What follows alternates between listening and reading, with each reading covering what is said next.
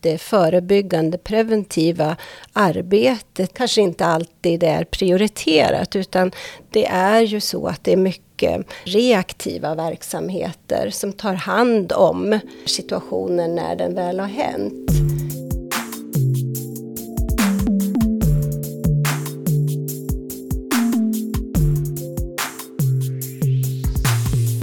Hej och välkommen till FoU-podden. Det här avsnittet ska handla om fallprevention i Sörmland. Och jag som gör den här podden heter Lena Stenbrink och är kommunikatör på FoU i Sörmland.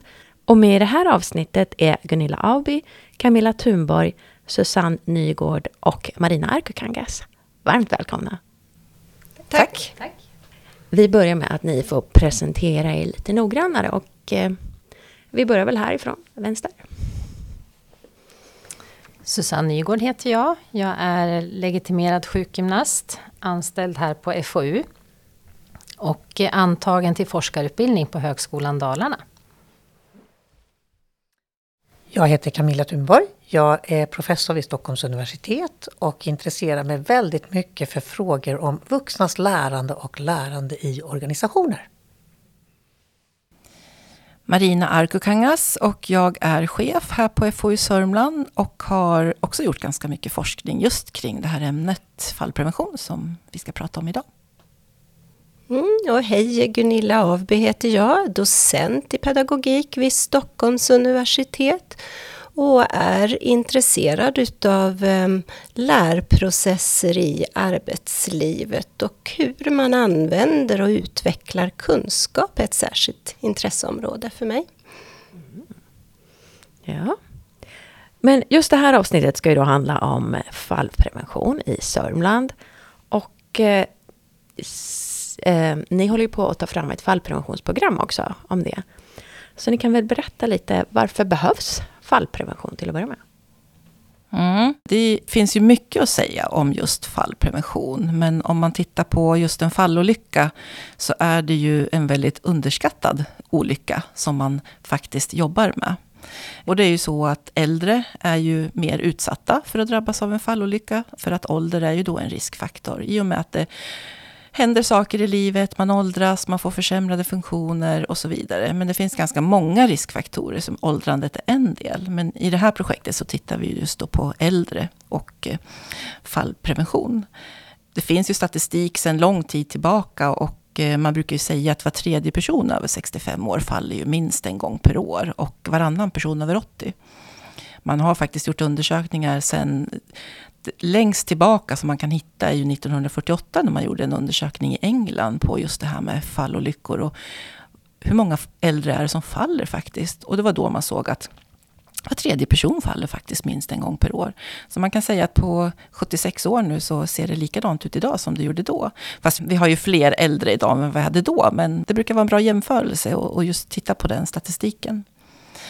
Men eh, Socialstyrelsen har ju också tittat på det här och det finns ju statistik där och där säger man ju att cirka 2000 personer som är över 65 år avlider varje år på grund av den här olyckan. Men det är ju inte bara personligt lidande eh, som är ett resultat av de här olyckorna. Det kostar ju väldigt mycket pengar också. Och det brukar ju vara viktigt för, för olika aktörer i samhället att faktiskt få reda på. Och eh, sista siffrorna som finns, jag vet inte om det finns nyare, men 2020 då kostade ju fallolyckorna då bland äldre då, är det vi pratar om nu, 16,8 miljarder i Sverige. Och då var 11,3 miljarder direkta kostnader för regioner och kommuner i Sverige. Så här finns det ju höga kostnader och ett stort lidande just för de som drabbas också av det här. För att det är ju så att alla överlever ju inte ett fall. Man kan ju skada sig lite grann, man kan få blåmärken och det behöver inte vara så mycket mer än så. Men det kan ju också vara en rädsla som kommer med det. Att just det här fallet gör att man inte vågar göra saker som man tidigare har gjort. Och då blir det också en försämring i livskvaliteten just på grund av det. Och sen kan man ju drabbas av en fraktur, vilket många också gör, eh, av en fallolycka. Och sen just det här att man faktiskt inte överlever. Och ganska många som inte heller kan bo kvar hemma, just för att man har drabbats av en fallolycka och behöver en annan boendeform på grund av just det, med ökat hjälpbehov. Så det finns väldigt mycket att göra och det finns väldigt många olika riskfaktorer. Man brukar säga att det ju handlar om en person, inte riskfaktorer. Men om man tittar på en person så är det väldigt mycket i vår omgivning och inom oss själva som kan bidra till att man faktiskt då kan drabbas av en fallolycka. Det kan ju handla om att man eh, har en bostad som inte är anpassad. Det kan vara höga trösklar, man har dålig belysning. Det kan vara omgivningen med att det vintertid är ju också en sån period där det är en, en större risk att drabbas av en fallolycka. Sen har vi individen i sig då, där det är många saker som kan påverka. Det kan vara olika diagnoser som man har, men också åldrandet, vilket kön man har och så vidare. Så det finns ju väldigt mycket hos personen. Just det här med att man också blir svagare, får en försämrad balans och inte kan hantera olika omständigheter som uppstår i vardagen när man ska röra sig runt om i sin omgivning. Och sen har vi förstås vårt beteende också som är jätteviktigt. Vad vi faktiskt gör. Håller vi oss igång? Är vi fysiskt aktiva? Tränar vi våra förmågor som vi behöver träna upp för att klara oss när vi åldras? är ju till exempel några av sådana saker som man tittar på inom det här området. Och det är ju inte alltid det lättaste att ändra beteenden. Men i slutändan så handlar ju, även om det finns många riskfaktorer, så i slutändan handlar det om vårt beteende, hur vi förhåller oss till det. Men som sagt, jag kan prata, tror jag, hur länge som helst om just det här, vad som påverkar oss. Men det jag vill säga är att det är många olika saker som påverkar. Och jobbar man inom hälso och sjukvården eller inom socialtjänsten så betyder det också att det är många olika professioner som behöver bli inblandade och titta på det här. Det kan handla om kosten, det kan handla om träning, det kan handla om många olika saker. Så jag skulle vilja eh, understryka det här med att jobba tillsammans är väldigt viktigt. Då har jag en liten följdfråga på det du sa. Och det är det här med dödsfall. Och då undrar jag, är det att man dör när man ramlar? Eller är det liksom följdfaktorer som gör att man dör? Mm. Jättebra fråga. Och det där har ju många också både ifrågasatt den här statistiken. För det beror ju också på hur man dokumenterar och eh, registrerar i journalen vad den här personen faktiskt avlider av. Och det kan vara flera saker. Det kan vara att man direkt dör på grund av en fallolycka. Men det kan ju också vara att man har drabbats av en fallolycka som ligger till grunden för att man sen blir dålig eh, på olika sätt och vis. Och det vi vet eh, som vi kan titta på, det är ju faktiskt hur man har registrerat dödsfallet. Det kan finnas andra förklaringar också till hur man registrerar. Det kan också finnas åt andra hållet, att det är underskattat. Att det är en fallolycka som ligger till grunden, men att det är någonting annat som man faktiskt avlider av. Okej. Eh, det är uppenbart att det här är viktigt att jobba med. Så hur jobbar man med fallprevention i dagsläget? Jag skulle vilja säga att det ser väldigt olika ut. Rent generellt så har vi ju inte i Sverige några riktlinjer för fallprevention eller strategier för att jobba med frågan. Så det blir ju så att många regioner och kommuner upprättar ju sina egna planer för hur man jobbar med det här. Överlag skulle jag säga att det kanske inte är en prioriterad fråga i många fall. Men det finns också en del som jobbar mer intensivt just med fallprevention. Jag vet att exempelvis Nyköpings kommun här i Sörmland har gjort en stor satsning där man går in för att jobba specifikt med fallprevention som ett prioriterat område. Så tyvärr är det så att det blir väldigt eh, olika i hur man jobbar med frågan runt om om man tittar på i Sverige. Jag tänker just på det du säger Marina, eh, det här med prevention. Överlag så är det ju så att det förebyggande preventiva arbetet är någonting som kanske inte alltid är prioriterat utan det är ju så att det är mycket eh, reaktiva verksamheter som tar hand om eh, problemet eller situationen när den väl har hänt. Så jag tänker just på det, just det här med prevention. Och det är ju någonting som vi pratar om allt mer skulle jag säga i samhället idag. Och det kan vi se på den här omställningen till nära vård men också den nya socialtjänstlagen som är på väg ut nu. Där man markerar och trycker på det här med det förebyggande arbetet där vi har väldigt mycket att vinna om vi lägger lite mer kraft och energi på det. Men ni fyra håller ju nu på med ett uppdrag om just fallprevention. Kan ni berätta lite vad det uppdraget går ut på? Jag kan ju börja med att rama in det lite grann i alla fall. För det är ju så att eh, det här uppdraget som vi då har på FoU, som vi då samarbetar tillsammans med eh, Gunilla och Camilla från Stockholms universitet handlar ju om att det faktiskt eh, var så att frågan kommer från början från pensionärsföreningarna. Där man har lyft politiskt den här stora området och ämnet som pensionärsföreningarna faktiskt inte tycker att de är riktigt rustade för att jobba med. Och man tycker att man, vill, man, ville, man ville belysa just specifikt det här området, fallprevention. Så det här ledde till att det blev ett eh, det blev politiskt prioriterat eh, 2022 att vi skulle jobba med fallprevention i Sörmland 2023 och nu då 2024 som vi har uppdraget. Och eh, utifrån att den politiska riktningen kom så har ju vi då fått det här uppdraget och det är ju förankrat då i våran samverkansstruktur som vi har i Sörmland. Och det betyder ju regioner och kommuner i samverkan. Så det här är ju verkligen ett samverkansprojekt där man har skakat hand, kommun, region och då med civilsamhället genom pensionärsföreningarna och tillsammans med oss då, att faktiskt prioritera och jobba med det här för att ta oss framåt. Och nu var ju Gunilla inne lite på det här med nära vård och jag tänker att det är just det här vi måste göra. Det här är ju ett nära vårdarbete, att göra det tillsammans, att koppla ihop och få den här röda tråden.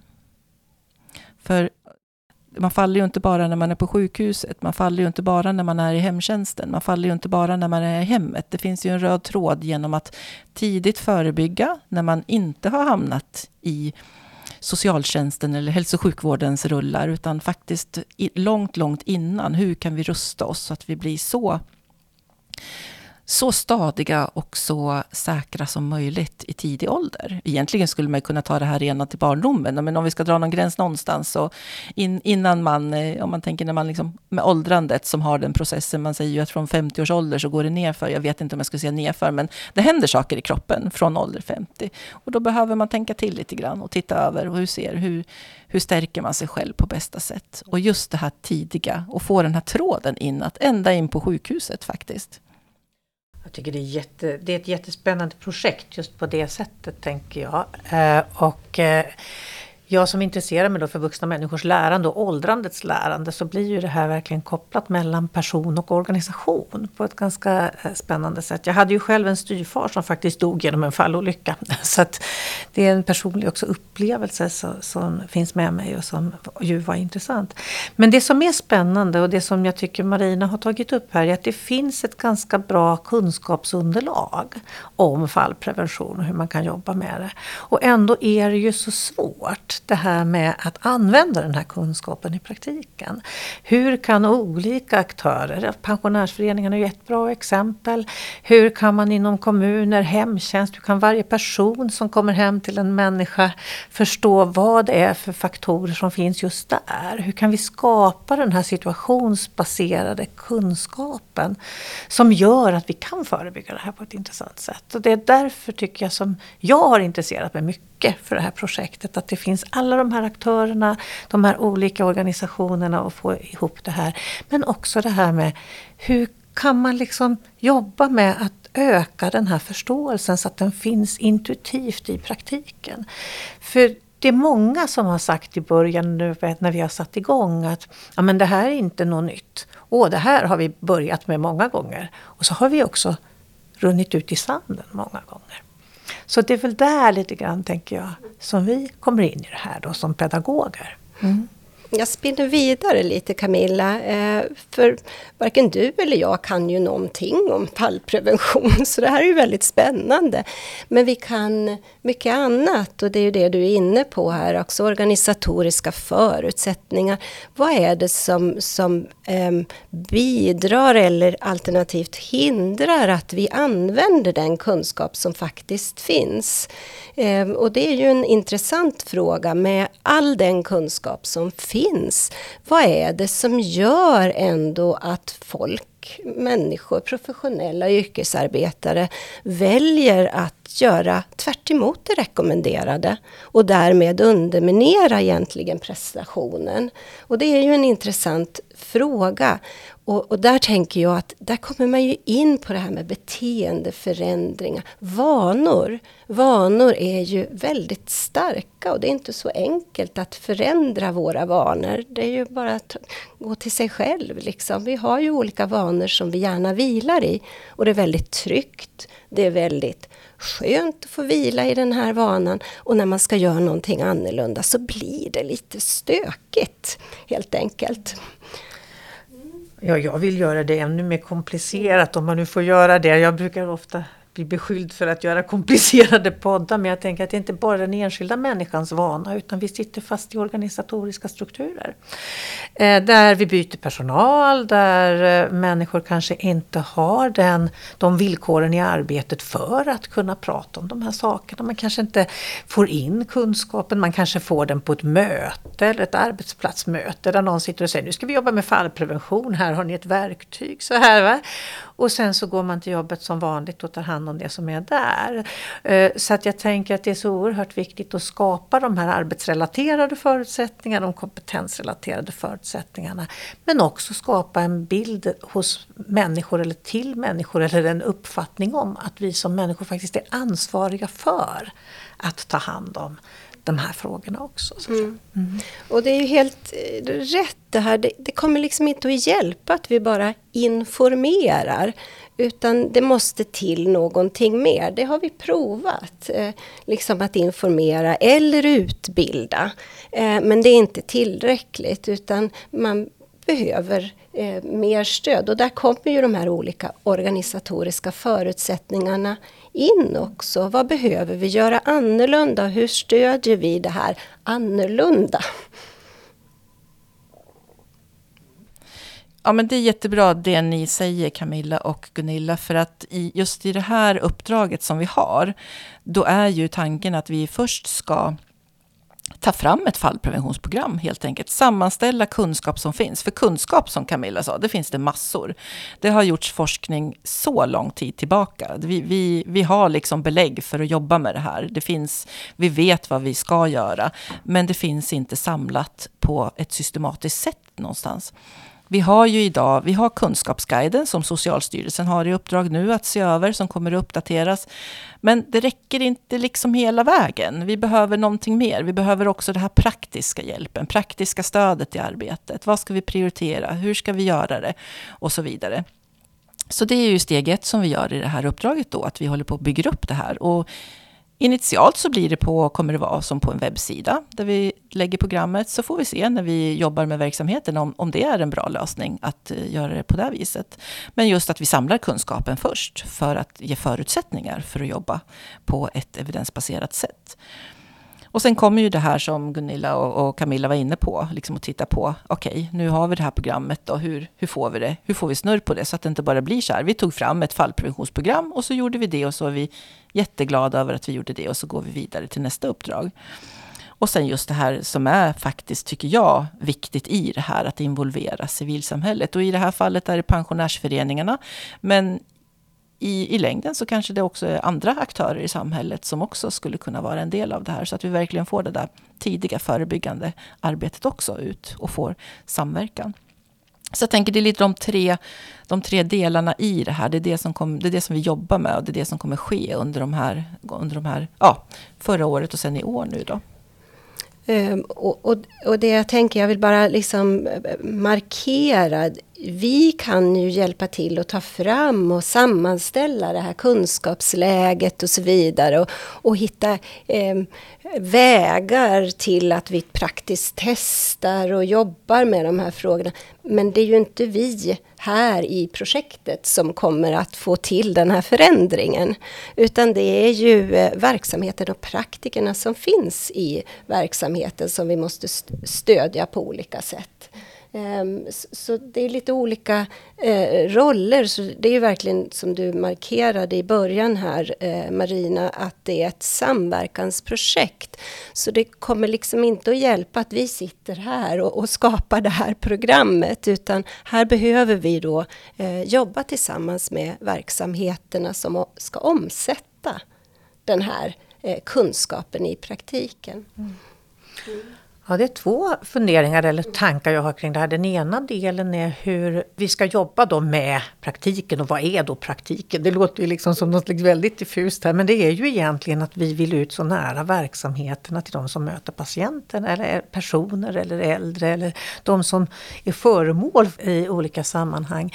För att se hur arbetar de och hur tänker de kring det här men också då få till ett stöd kring hur skulle de kunna pröva det här och testa det här. Och så mycket blir testverkstad också och se vad är det som fungerar och inte. Behöver vi göra om kunskapsstödet eh, och så. Va? Eh, den andra delen i det här är ju också det som Marina också var inne på, det här att vissa saker ramlar också mellan stolarna. Det vill säga man kan göra en jättebra sak inom hemtjänsten och sen så larmar inte det över till regionens personal om man kommer till sjukhuset. Så att, så att patientens eller personens eller den äldre, den som riskerar att fallas väg igenom systemet. Det är det vi ska försöka jobba med. Och då handlar det om hur man samverkar med varann. Hur kan vi dela kunskap? med varandra. Och det är ju jättepopulärt idag för det pratar man om när det gäller kriminalitet och andra sådana här frågor. Men just när det gäller vårdfrågorna så är ju det en nyckelfråga som man ofta har lyft upp vad jag förstår. Mm. Och Camilla, du och jag har ju varit inne i tidigare studier där vi har tittat just på eh, den här samverkan emellan olika verksamheter och olika organisationer där bland annat då kommuner, regioner eller civilsamhället. Och det är ju lite olika logiker, lite olika frågor som man arbetar med som inte alltid då lierar med varandra. Man ligger kanske i olika faser och det här är ett problem som vi har uppmärksammat tidigare också. Så det är ingenting ovanligt eller så, utan de här stuprören de har olika ställen i samhället. Mm. Susanne, du kom ju nyligen just ifrån att ha faktiskt arbetat praktiskt med människor. Kan du berätta lite hur du ser på det här och just med problemet att det kommer ifrån den här teorin till att faktiskt använda sig av verksamheten? Ja, jag har jobbat väldigt länge inom kliniken och följt de äldre inom olika verksamheter. Och eh, det är ju som eh, Gunilla säger, det här med stuprör. Eh, det finns fortfarande. Vi pratar mycket om samverkan över gränserna men det, det är svårt. Och jag tänker också det här med akademin och kliniken. Eh, det finns mycket evidens och mycket bra kunskap. Men hur gör vi för att föra över den till kliniken? Det är ju en hjärtefråga, en kärnfråga tycker jag. Och det, det, tycker jag vi är på spåren i det här projektet i alla fall. Det är ju liksom målet att vi ska kunna överföra eh, den här kunskapen och evidensen. Och på många olika plan i hela organisationen och i många verksamheter. Men det är en utmaning. Verkligen. Mm. Och, och, det är ju inte så enkelt att bara för att det finns kunskap så kan man ta den och bara placera den var som helst. Utan kunskap måste ju faktiskt tolkas och omsättas i den kontext som den ska vara användbar i. Så kunskapsanvändningsprocessen är inte så enkel. Utan det krävs liksom ett, ett arbete där utav aktörerna som ska använda den här kunskapen. Så mm, där har vi ju en del att göra här också i det här projektet. Men ju närmare, det som Camilla var inne på här också, ju närmare vi är i verksamheten och kan stödja och faktiskt utmana de här vanorna som bland annat finns. Ehm, där tror jag vi kan ha en, en roll. Så där vi måste ut och testa pröva det här och arbeta tillsammans med de professionella i att ta fram det som passar där. Ja, det tror jag är jätteviktigt. Och just det här som du säger, att vara nära och visa att, att vi kan samverka från olika typer av ja, akademi och klinik. Alltså olika verksamheter. Och sen att göra de som det berör, göra dem delaktiga i det här arbetet och känna att de är viktiga. Och att det är de som ska göra arbetet, men att vi kan finnas där som ett stöd. Så att just det här med nära samverkan tror jag är jättebra. Och ute i praktiken där det ska hända. Som pedagogisk forskare är man ju också intresserad av hur det här kommer att bli. Det vill säga, vad är det människor kommer att lära av varandra? Vad är det för kunskap som kommer att finnas kvar? Vad är det för förmågor som människor kommer att lära sig i det här? Så att jag tror att vi har ju också ett slags forskningsbaserat intresse för kommer det ut av det här egentligen? Vad kommer vi att kunna skapa en, ett arbetsliv eller kommer vi kunna skapa verksamheter som liksom varje dag har med sig detta? Det vore ju fantastiskt. Och ständigt reviderar och tänker på, men vänta nu har det hänt ett fall här och så och det ska vara någonting som är väldigt ovanligt, eller hur? Det hade väl varit eller hur, spännande om det kunde bli så att, att det är mycket färre människor som faller och de som faller verkligen blir sådana här unika fall där man tänker, men vad gjorde vi nu? Istället för som jag tror att det är idag, att ah, ja, nu är det någon som faller här igen. Alltså det, det är någonting som är normalt, att människor faller. Nu ska vi bara ta hand om skadorna efter. Det kanske låter lite utopiskt, men, men visst skulle man vilja att det var så, att det blev en ovanlig, en ovanlig företeelse snarare än det som är vanligt. Om jag förstod mm. Marinas statistik rätt mm. där. Ja. Absolut. Ja. Nej, men där håller jag med. Och det du pratar om nu, det är ju också en kunskapslucka inom det här området. För som vi sa tidigare så finns det ju väldigt mycket forskning kring effektiva eh, interventioner. Eh, till exempel att träning är bra, det vet vi genom träning så stärker vi oss på olika sätt. Och så gör vi olika interventioner som kanske är tre månader, sex månader och så ser vi att det blir en där händer det någonting, det blir en förändring, det blir en förbättring. Och vi kan minska fallen med det här. Men vad händer sen då? Det här har vi ett toppenbra träningsprogram. Om vi använder det här så kan vi minska fallen med, ja, låt oss säga 40 procent. Men varför använder man inte det här programmet då? Vad är, det som, vad är det som gör att man väljer att inte göra Eller det kanske inte är ett val, utan man kanske inte känner till det. Man kanske inte har kunskap om det. Det kanske inte finns resurser till att jobba fullt ut. Om vi pratar om evidens så är väl en utmaning där också. Att börja jobba på ett nytt sätt, jobba evidensbaserat, det tar ju tid och resurser från verksamheter. Så här har vi ju en kunskapslucka med hur får vi de här olika programmen att faktiskt fungera och hur kan vi implementera det här arbetssättet där finns det väldigt sparsamt med forskning inom det här, just det här området. Och, och, det där är ju intressant, alltså det där eh, med en intervention och, och, det här kortsiktiga resultatet. Vi kanske kan se ett kortsiktigt resultat, men hur får vi långsiktiga effekter? Vad är det som gör att vi kan vidmakthålla de här olika förändringarna och de här beteendena? Hur kan vi få dem att bli en del av strukturen eller organisationen så att det inte bara ligger i som är ganska vanligt skulle jag säga i eldsjälar som känner att ja men det här är så spännande, nu drar vi igång det här projektet och så kör vi lite eh, träningsprogram. Och så håller det, som du säger Marina, i tre månader och ja, det händer någonting. Men hur vidmakthåller man det här? För vi är vanemänniskor kommer jag tillbaks till det här till, med vanor, att vi gärna går tillbaka i det trygga, vanliga eh, när det här är över. Så eh, där är det ju spännande, hur, hur gör vi för att få det som en del utav strukturen så det inte fastnar i bara enskilda människor? Nu kommer man in på spännande eh, reflektioner om relationer mellan strukturer och kulturer, tycker jag. För att en intressant fråga är ju också hur vidmakthåller man en kultur när personen slutar till exempel? Om vi nu eh, drar igång det här och man börjar jobba med det här kanske inom äldreomsorg eller på, inom hemtjänst eller ja, vad det nu kan vara för någonting. Och så byts det personal hela tiden. Då behöver det finnas en slags man brukar prata om kunskapstradering. Det vill säga att nytillkomna anställda får del av de här sätten att jobba.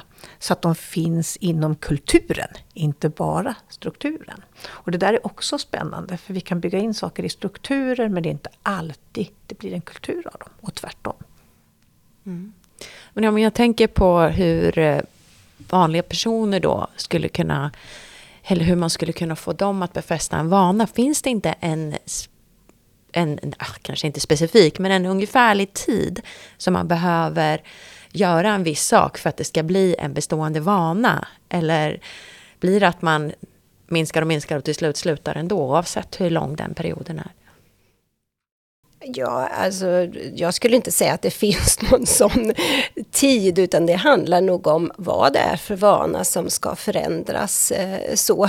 Så att jag tror inte att man skulle kunna säga att jag efter tre månader, då är jag av med den här vanan. Men övning ger färdighet. Och ju mer man sätter in den här nya önskvärda sättet att arbeta eller arbetsprocessen, eh, ju mer man övar på det, ju mer naturligt blir det. Då blir ju det nästan som en, ja, en vana, så att säga. Så, att, ehm, så skulle jag ju säga att det finns ingen tid. Det handlar ju om beteendeförändringar och det handlar om vanor. Och för att göra den här beteendeförändringen, då behöver det ju vara viktigt. Så jag tycker det är en viktig, en viktig fråga att alltid ställa, det är vad är viktigt för dig? För det är det som är grunden till att man faktiskt vill göra en beteendeförändring. Eh, och, och där ehm, var det någon klok person som sa det, just att det är tre saker som åstadkommer varaktiga beteendeförändringar. Drabbande livsinsikter, förändringar i närmiljön och beteendekonstruktion med hjälp av mikrovanor. Så det där är ju någonting som vi också har med oss här, utan det är inte så enkelt som det kan tyckas att ändra en vana. Jag skulle också vilja gå in lite grann, nu, nu kommer vi in på väldigt sådana här specifika saker, men alltså lärforskningen visar ju också att vi lär oss inte bara individuellt, inte bara jag som individ som formar en vana som jag upprätthåller. Och beteende pratar vi ju ofta om på individnivå, men lärande är ju väldigt socialt. Jag gör ju också som andra gör. Och en del i den här vaneförändringen handlar ju om vad andra gör. Så att om jag ingår, så att säga, om jag är en människa som ingår i ett socialt socialt sammanhang så kommer ju vad mina vänner gör och, och vad vi gör tillsammans att etablera mina vanor. Det är inte bara jag som enskild person. Och där kan vi se det finns ju väldigt mycket forskning som just tyder på de viktiga liksom, sociala processerna i det här. Och jag tror idag kanske att vi fastnar lite grann på individnivå och i beteendekorrigering. Men jag tror att väldigt mycket faktiskt handlar om vad det är för social miljö vi har möjlighet att vara del av. Och där ligger ju också samma sak naturligtvis när det gäller organisationer och människor som arbetar tillsammans. Att det handlar om att skapa en social miljö där vi gör saker på ett visst sätt. Och mina tankar gick tillbaka till det att ja, vi måste ju sätta gränsen någonstans. Vi jobbar med äldre och åldrande i det här projektet. Men egentligen så, så börjar ju det här långt tidigare. Tänk om vi jobbar med den kulturen även i skolan eller alltså långt tidigare med eh, träningen och så vidare. Det är ju sådana saker som vi idag ser att man tar bort till förmån kanske för mer ämnesinriktade delar det var bara en sån tanke jag liksom fick att du pratade om det här. Visst, vi har fokus på äldre och åldrande här. Men för att få det här eh, och det här i sociala sammanhang som Camilla är inne på så skulle det ju vara önskvärt att man tänker än tidigare än bara när man blir äldre. Mm. Det här är både stora och svåra frågor hur man ska lösa den här problematiken.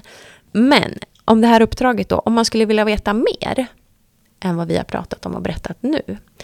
Var kan man hitta den informationen? Ja, vi är ju precis nu i den här uppbyggnadsfasen av det här fallpreventionsprogrammet. Så det kan man inte riktigt komma åt än. Eh, men det kommer att bli öppet och tillgängligt när vi är färdiga med det här projektet. Men själva uppdraget, om man vill läsa, så står det lite grann på vår hemsida. Så att där kan man gå in och titta under projekt, så står det fallpreventionsprojektet. Så kan man i alla fall se hur, vad syftet är och vilka frågeställningar vi har och vilka vi är som jobbar i det här. Så kan man ju alltid kontakta oss utifrån, vi har ju kontaktuppgifter på sidan där om man är nyfiken och vill veta mer om det här arbetet eller bara följa det. Mm. Det var bra. Men då får jag tacka jättemycket för att ni var med i den här podden. Mm. Tack. tack. tack. Och till dig som har lyssnat så vill jag säga tack så jättemycket för att du har lyssnat på det här avsnittet av FoU-podden. Och eh, så vill jag önska dig en toppenfin dag. Hej hej!